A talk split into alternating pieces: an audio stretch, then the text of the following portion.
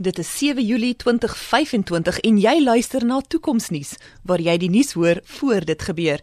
Ek is Jonita Foster en hier volg vandag se hoofberig. Een van die wêreld se besigste stede het vandag resultate gepubliseer oor hul projek om die stadskern meer toeganklik te maak. Die projek het vir 'n jaar lank alle motors wat hulself nie kan bestuur nie uit die stadskern verban. Die resultate van die projek het gewys dat verkeersopeenhopings in en rondom die stadskern dramaties afgeneem het, maar dit blyk ook dat hierdie eksperiment ander onvoorsiene impak op die stad kan hê. Pieter Geldenhuys is saam met my in die ateljee om te verduidelik hoe hierdie projek gewerk het. Welkom Pieter. Hallo Jonita. Pieter, vertel vir ons watter verdere implikasies het hierdie ontwikkeling op die samelewing? Jy net jy moet besef dat self of selfbestuurende karre 'n groot impak het op verkeerspatrone omdat hulle nie so hard uh, rem soos wat ander karre dit doen en 'n uh, en jy amper 'n geheue effek kry op snelweë en binne stede nie. En daarom as karre hulle self bestuur, jy 'n baie groter deurvloei van voertuie kry. En dit was een van die redes vir hierdie eksperiment. Wat ons moet besef is dat die persentasie van gebruik van 'n normale voertuig baie laag is. So 'n kar wat homself nie kan bestuur nie, word maar 3% van die dag gebruik. Ehm um, en wat interessant is is dat 'n kar hom wel kan bestuur, hy baie meer dinge kan doen en die statistiek wys tot 60% van die van die tyd gebruik kan word. Nou binne in hierdie omgewing is dit baie interessant om te sien wat hulle gedoen het met hulle kar. Jy het met jou voertuig ingery na die stad toe, hy het jou in die stadskern ingery en as jy jou aflaai, sê jy dan vir jou voertuig: "Wees 'n oulike produktiewe kar en ry rond vir die volgende 15 minute op pad na die op uit die stadskern uit en tel so 2 of 3 mense op om vir my geld te maak. Of wag eerder, ry die hele dag rond en tel mense op en maak so dis vir my ekstra geld. En dit is eintlik wat ons sien gebeur het dat hierdie voertuie gebruik is om ander mense die geleentheid te gee om binne in die stadskern rond te beweeg. Maar 'n baie interessante impak is dat in die verlede jy baie naby aan 'n parkeerarea gestaan het waar jou kar geparkeer is, waar hy dan die hele dag daar staan. So letterlik duisende, derduisende karre wat die hele dag net staan tussen 8 en 5 wat absoluut niks doen nie. En met die feit dat hierdie karre nou nie meer baie naby aan jou hoef te wees nie, maar op die punte van die stadskern kan wees, het die hele uh, karakter van die stede begin verander.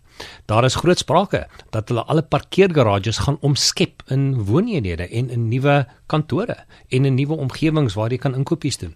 En ons sien ook dat die voertuie natuurlik op die punt of die buitewyk van die stadskern hulle self gaan herlaai. So 'n hele paar karmaatskappye het dus mats het dus geboue gekoop. So al die bekende handelsmerke het dus hulle eie uh geboue gekoop en die kar gaan deur die loop van die dag wanneer sy battery taamlik raagloop en gaan herlaai hom. En 'n paar baie interessante innoverende produkte het daar ook ontstaan. Maatskappye wat jou inkopies aanlyn doen, word dan in in die kattebak van jou voertuig gelaai. En as jou kar dan kom om jou huis te vat, het jou kar alreeds jou inkopies vir jou gedoen. So ons sien 'n groot verandering en 'n belofte van 'n verandering waar net soos in die 1960s die hele landskap verander het met mense wat karre gehad het en uit die stede uit beweeg het, sien ons nou dat selfaangede of selfbesturende voertuie die hele karakter van stede begin verander. Die projekresultate het ook 'n stygings in die hoeveelheid voetgangers in die stadskern aangedui. Nou maar in die aanvangsjare van selfbestuur motorkarre was daar heelwat verslae gewees oor ongelukke met voetgangers wat die voetgangers dan beseer of verongeluk het. Is projekte soos hierdie nie net te riskant nie? Jy moet besef dat toe die heel eerste ongevalle plaasgevind het met 'n selfbestuurende uh, voertuig, was dit groot nuus. Maar in dieselfde jaar was 1,3 miljoen ander mense doodgery deur persone wat karre bestuur het. En nou moet ons die twee teenoor mekaar opweeg. Wat is die veiligste? Karre wat hulle self bestuur met masjienleer of mense agter die stuur wat dit lyk my baie meer foute maak. So ons moet altyd statistiek met 'n knippie sout vat. En dink jy ander stede sal die projek se voorbeeld volg? Ek dink dit is belangrik om te besef dat verskillende stede verskillende karakteristikke het en ons besef ook dat in verskillende lede of verskillende dele van die wêreld mense anders na patrails kyk. Ek dink hier in Suid-Afrika gaan dit nogal interessant wees want hier ehm um, sien sekere mense dit meer as aanwysings en nie as reëls nie of as riglyne. Ehm um, maar kom ons los dit daar.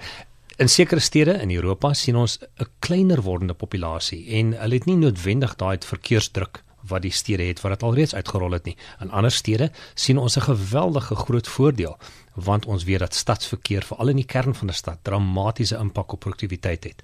En ek dink dat stede wel hierdie voorbeelde gaan navolg. Baie dankie Pieter. Resultate van die impak op die omliggende natuur en besighede is nog nie beskikbaar nie. Dit was Pieter Geldenhuys en Jonita Foster vir Toekomsnuus waar ons die moontlikhede van die toekoms ondersoek.